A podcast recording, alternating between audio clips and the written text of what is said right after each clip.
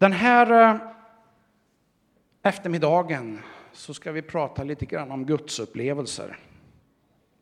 Och inte bara vilka upplevelser som helst, utan upplevelser som på något vis påverkar. När vi har varit i Bangkok så har det känts spännande men också oerhört utmanande. Tänk er den gigantiska staden med 15 miljoner människor i Stor-Bangkok. Ungefär. Folk överallt, dygnet runt. De allra, allra flesta har inte en susning av vem Jesus är. Kanske en procent vet. Det rör sig om 150 000 människor. Men de allra, allra flesta har ingen susning. Och så funderar man på de kyrkor som finns. Ja, det är fantastiskt med den församling som Daniel och Paulina har byggt med Guds hjälp de senaste tio åren. Två gudstjänster som möts varje söndag.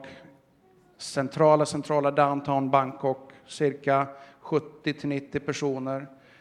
Och ute i Bangna kanske någonstans 100-120 personer under den här tiden vi har varit där. Det är fantastiskt. Men jag har blivit så utmanad över den gigantiska mängden människor som ännu inte känner Jesus. Och ibland har det känts så här att det här är ju fullständigt omöjligt. Vad har jag, vad har vi som egentligen på något vis kan påverka den här staden? Och när jag funderade över det här och funderade över den här predikan så landade jag i en berättelse. En berättelse som återges i de fyra evangelierna, alla fyra evangelierna. Både Matteus, Markus, Lukas och Johannes ger sin beskrivning. Det är ungefär samma berättelse, lite olika detaljer. Det är en berättelse när Jesus har varit med sina lärjungar, de har mött massa människor och Jesus han har gjort massa under. Det är många människor som har på något vis upplevt något av vem Jesus är. De har gjort en, en upplevelse som gör att de funderar över, är det här möjligen den som Gud har lovat? Den himmelske frälsaren Messias som ska komma hit och förändra allt i våra liv. Och när Jesus och hans lärjungar känner sig lite trötta och de vill liksom dra sig undan, ja, men då kommer massor av människor dit. Låt oss läsa berättelsen enligt Johannes. Jag tror att vi kanske får upp den här på skärmen. Om inte så läser jag i alla fall här. Från Johannes 6 och de 14 första verserna. Sedan får Jesus över till andra sidan Galileiska sjön, alltså Tiberias sjön. Mycket folk följde honom eftersom de såg de tecken som han gjorde med de sjuka. Men Jesus gick upp på berget och satte sig där med sina lärjungar. Påsken, judarnas högtid, var nära. När Jesus lyfte blicken och såg att det kom mycket folk till honom sa han till Filippus, var ska vi köpa mat så att de här får något att äta? Det sa han för att pröva honom. Själv visste han vad han skulle göra. Filippus svarade, bröd för 200 denarer räcker inte för att alla ska få var sin bit. 200 denarer, det kan man säga var motsvarande ett halv, en halv årslön. En annan var hans lärjungar Andreas, bror till Simon Petrus, och till honom, här är en pojke som har fem kornbröd och två fiskar. Men vad räcker det till så många? Jesus sa, låt folket slå sig ner. Det var gott om gräs på platsen och de slog sig ner. Och det var omkring 5 000 män. Jesus tog bröden, tackade Gud och delade ut dem som var där, likaså av fiskarna, så mycket de ville ha.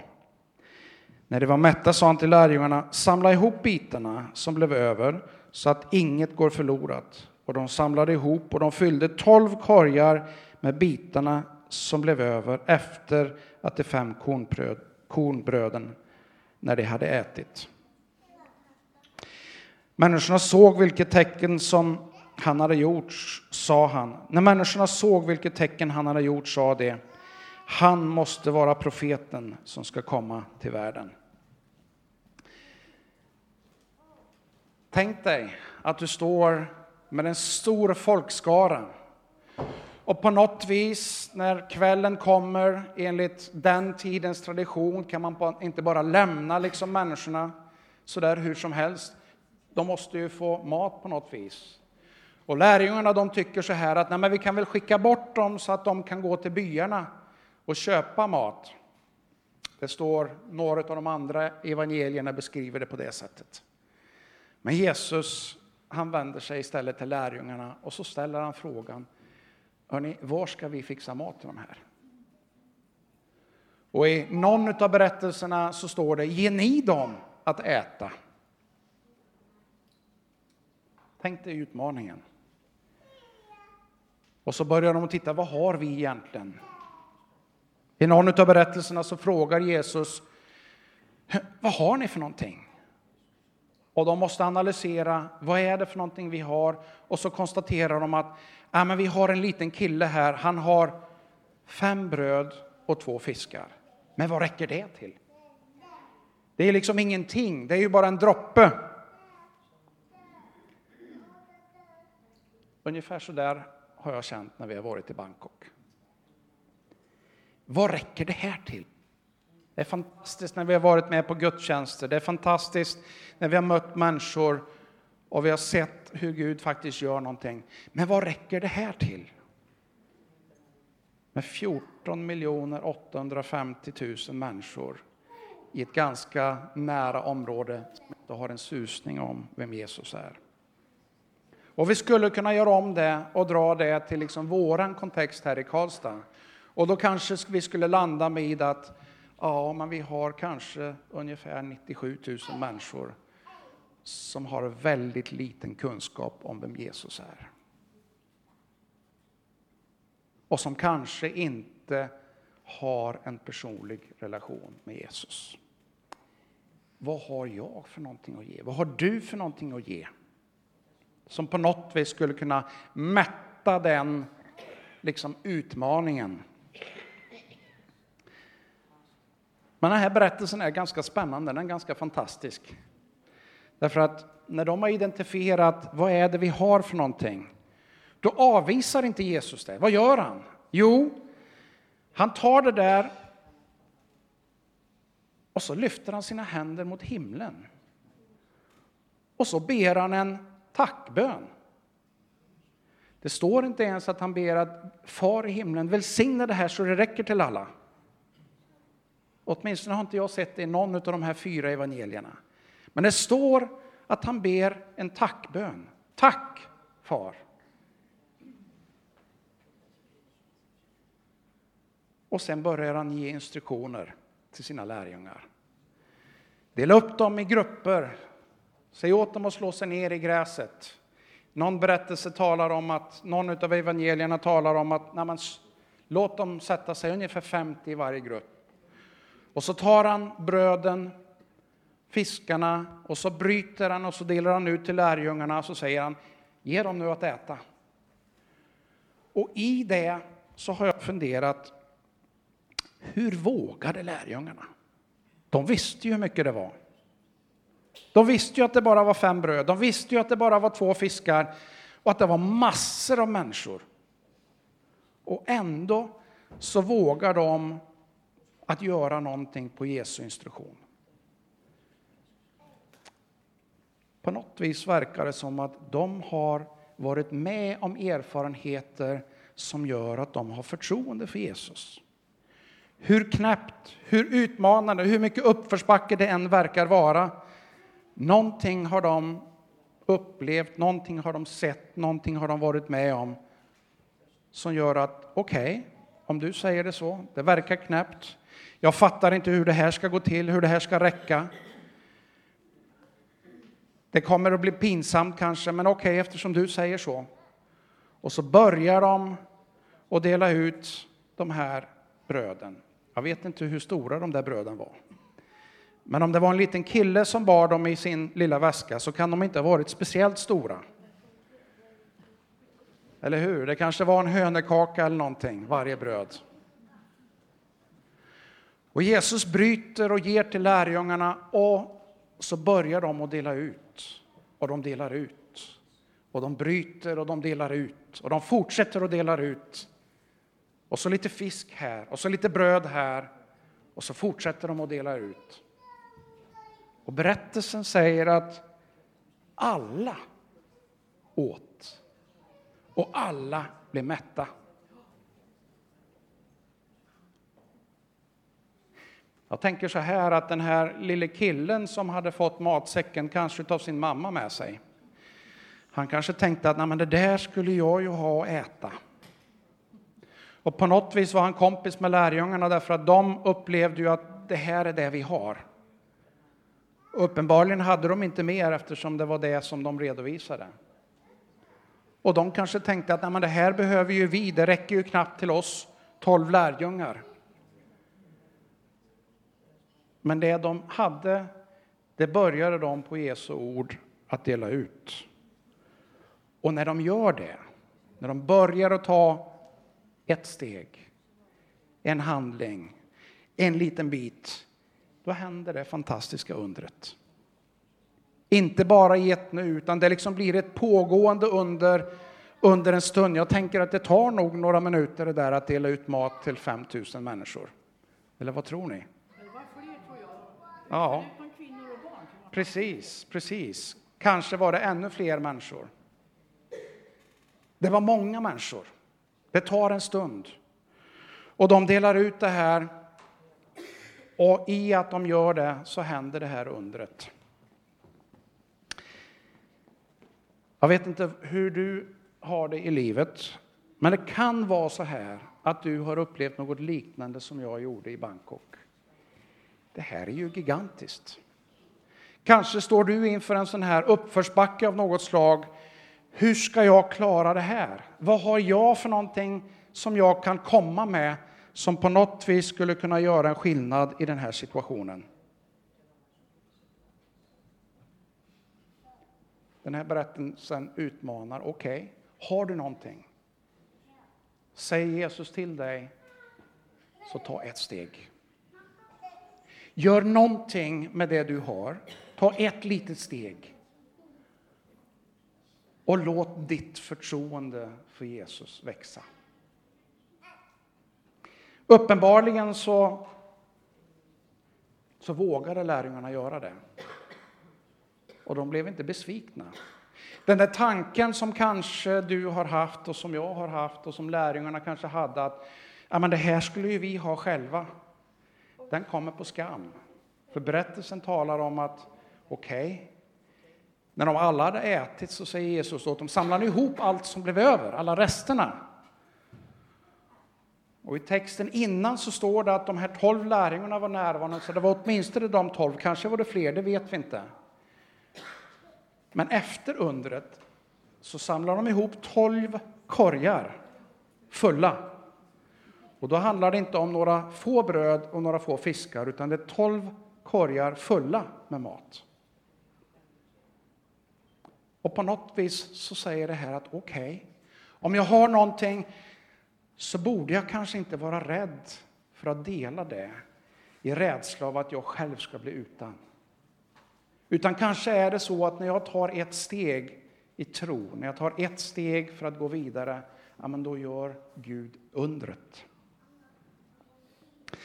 Jesus gör någonting med det som du har. Och Det är väldigt påtagligt i det här sammanhanget att det är Jesus som gör undret. Det liksom går inte att förklara på något annat sätt. Eller hur? Alla lärjungarna visste att det var bara fem bröd och två fiskar. Men alla såg att alla blev mätta. Ett under som Gud gör, det pekar på vem Gud är. Det berättar någonting om storheten i Gud. Och jag tänkte att vi ska bara ta fem korta frågor här innan vi går ner för landning. Vad kan vi lära i den här berättelsen om Gud? Jo, det är att Gud har väldigt stort förbarmande. Gud uppskattar tacksamhet. Tack far för att du finns, säger Jesus. Tack för det du kommer att göra och så händer undret. Och Gud lämnar inte någon skyldig. Om Gud utmanar dig att dela med dig av det du har, gör någonting med det, så kommer du att få uppleva hans välsignelse i sin tid. Vad kan vi lära om människan? Den andra frågan. Fem frågor som jag tycker är ganska viktiga när man läser en bibeltext. Jo, förtroendet för Gud ökar med erfarenheterna. Och förtroendet för Gud frigör Guds agerande när vi uttrycker tacksamhet. Det vill säga att det är som att, okej, okay, när vi talar om Gud, du kan, du är stor och vi förväntar oss något av dig. Amen, då är det som att det frigör Guds möjlighet att göra någonting. Och den här berättelsen här och nu då, i mitt och ditt liv. Ja, du får fundera över vad är det för en gigantisk utmaning som du står inför? Är det en sån här Bangkok-upplevelse? Eller är det något annat? Hur jag ska lyckas att få mitt uppehållstillstånd, hur jag ska lyckas att få hit min familj, eller hur jag ska få pengarna att räcka till månadens slut, eller något annat. Eller kanske, hur ska jag kunna dela Guds stora kärlek med mina grannar på min gata? Det finns en fråga, den fjärde frågan som jag tycker är väldigt viktig när man läser Bibeln. Vad kan jag göra med det här inom 24 timmar? För jag har lärt mig en sak att väntar jag tills imorgon eller väntar jag en vecka så är det stor chans att det inte händer, att det inte blir. Men om jag tar ett litet steg idag, då börjar jag en resa som jag kan fortsätta. Och fortsätter jag att ta många små steg, då kommer jag väldigt långt. Så min fråga till dig och till mig, den här berättelsen vad utmanar den till inom 24 timmar? Är det någon jag kan dela det här med? Är det någon i familjen? Häromdagen så satt jag och samtalade med en av våra församlingsmedlemmar och han berättade att när jag har varit i kyrkan så, och kommer hem till familjen där jag bor, då brukar familjefar fråga mig, vad har du lärt dig i kyrkan idag? Och så för de ett litet samtal där liksom hela gudstjänsten eller predikan återges och, och liksom nyckelbitarna kommer fram. Fantastiskt, lysande bra. Låt mig avsluta med en berättelse om den buddhistiska kvinnan som vi inte träffade, men vi träffade en nära bekant till den här kvinnan. Hon eh, hade bara lärt känna en del kristna. Hon hade en affärsverksamhet och hade lärt känna ett antal kristna familjer. Hon hade tidigt bestämt sig för att nej, men jag ska inte bli kristen. Eh, det är trevliga människor, men jag är buddhist, jag ska inte bli kristen. Och så en dag så är de samlade, ett gäng av vännerna. Och hon undrar, vart är George? George var ju pappa till en av döttrarna som, som hon var god vän med. Han brukar ju vara med när vi möts så här. Och någon förklarade för henne att nej, han kan inte komma för att han har dåligt med pengar just nu. Hans fru hade varit sjuk i cancer och hon hade fått behandling och han hade dragit på sig stora skulder och det var tajt med ekonomin. Och den här kvinnan, hon, hon kände någon form av medlidande om George. Så när hon gick därifrån så tänkte hon, tänk om jag skulle pröva att be till George Gud. Han påstår ju att han hör på bön. Och så börjar den här kvinnan, som själv är buddhist och inte egentligen känner Gud mer än att hon har hört lite berättelser av sina vänner. Hon ber en bön till George Gud. Kan du ge honom 5 000 baht? Det är lite drygt 1000 kronor. Ganska mycket pengar för, för, för typ fattiga människor i Thailand. Inte så mycket pengar för dig och mig kanske. Men hon ber det och George vet ingenting om det här. Men vet ni, undret händer att inom 48 timmar så har George fått 5 000 kronor, 5 000 baht utav en familj som var fattiga. De sa att vi har bara upplevt Gud manat oss att det här ska du ha. Och likaså fick han det från ett annat håll, 5 000 baht till. Så hennes bön om 5 000 baht blev svar med 10 000 baht. Och någonting hände med henne. Wow! Kan George Gud svara på bön på det sättet? Så kommer det in en kvinna till hennes affärsrörelse, en kvinna som har haft många missfall. Och så är hon äntligen gravid igen. Magen putar. Och så när hon står där inne i affären så blir hon alldeles sjuk. Full av feber, hon skakar och frossa. Och den här kvinnan undrar, hur ska jag göra nu? Hon som har fått så många missfall. Och vet ni vad hon gör? Hon börjar be till George Gud igen. Och så ber hon, så mycket buddhist hon är, men så ber hon till George Gud, gör ett ingripande med den här kvinnan. Och så bara, bara en liten stund så vänder det. Hon blir lugn. De tar henne till sjukhus sen och kollar, men allt är okej, okay. precis. Och en tid senare föder hon ett friskt barn. Tror ni att den här kvinnan är en efterföljare till Jesus? Ja, så är det. Gudsupplevelser som berörde därför att hon vågade och testa att be till George Gud. Vågar du testa och be?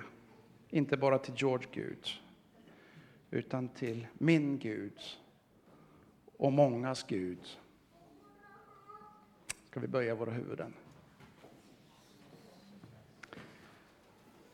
Far i himlen, tack för att du svarar på bön. Tack för att du inte lämnar någon oberörd när vi söker dig och ditt ansikte. Och Herre, du känner precis var och en som sitter här nu. Jag vill bara be dig om att du ska ge mod till var och en utifrån livssituation, utifrån omständigheter, att våga ta ett steg och chansa på att ge dig förtroende. Att du faktiskt kan göra någonting. Och jag vill be just nu för den som känner att jag är inte en efterföljare till Jesus. Jag funderar, jag vet inte. Jag vill be för den personen att få modet att ta ett steg för att säga ja, Jesus, jag vill testa. Svara på min bön. Gör det, Herre. Låt oss inte bli besvikna, utan låt oss få uppleva din härlighet. Jag bara ber i Jesu namn.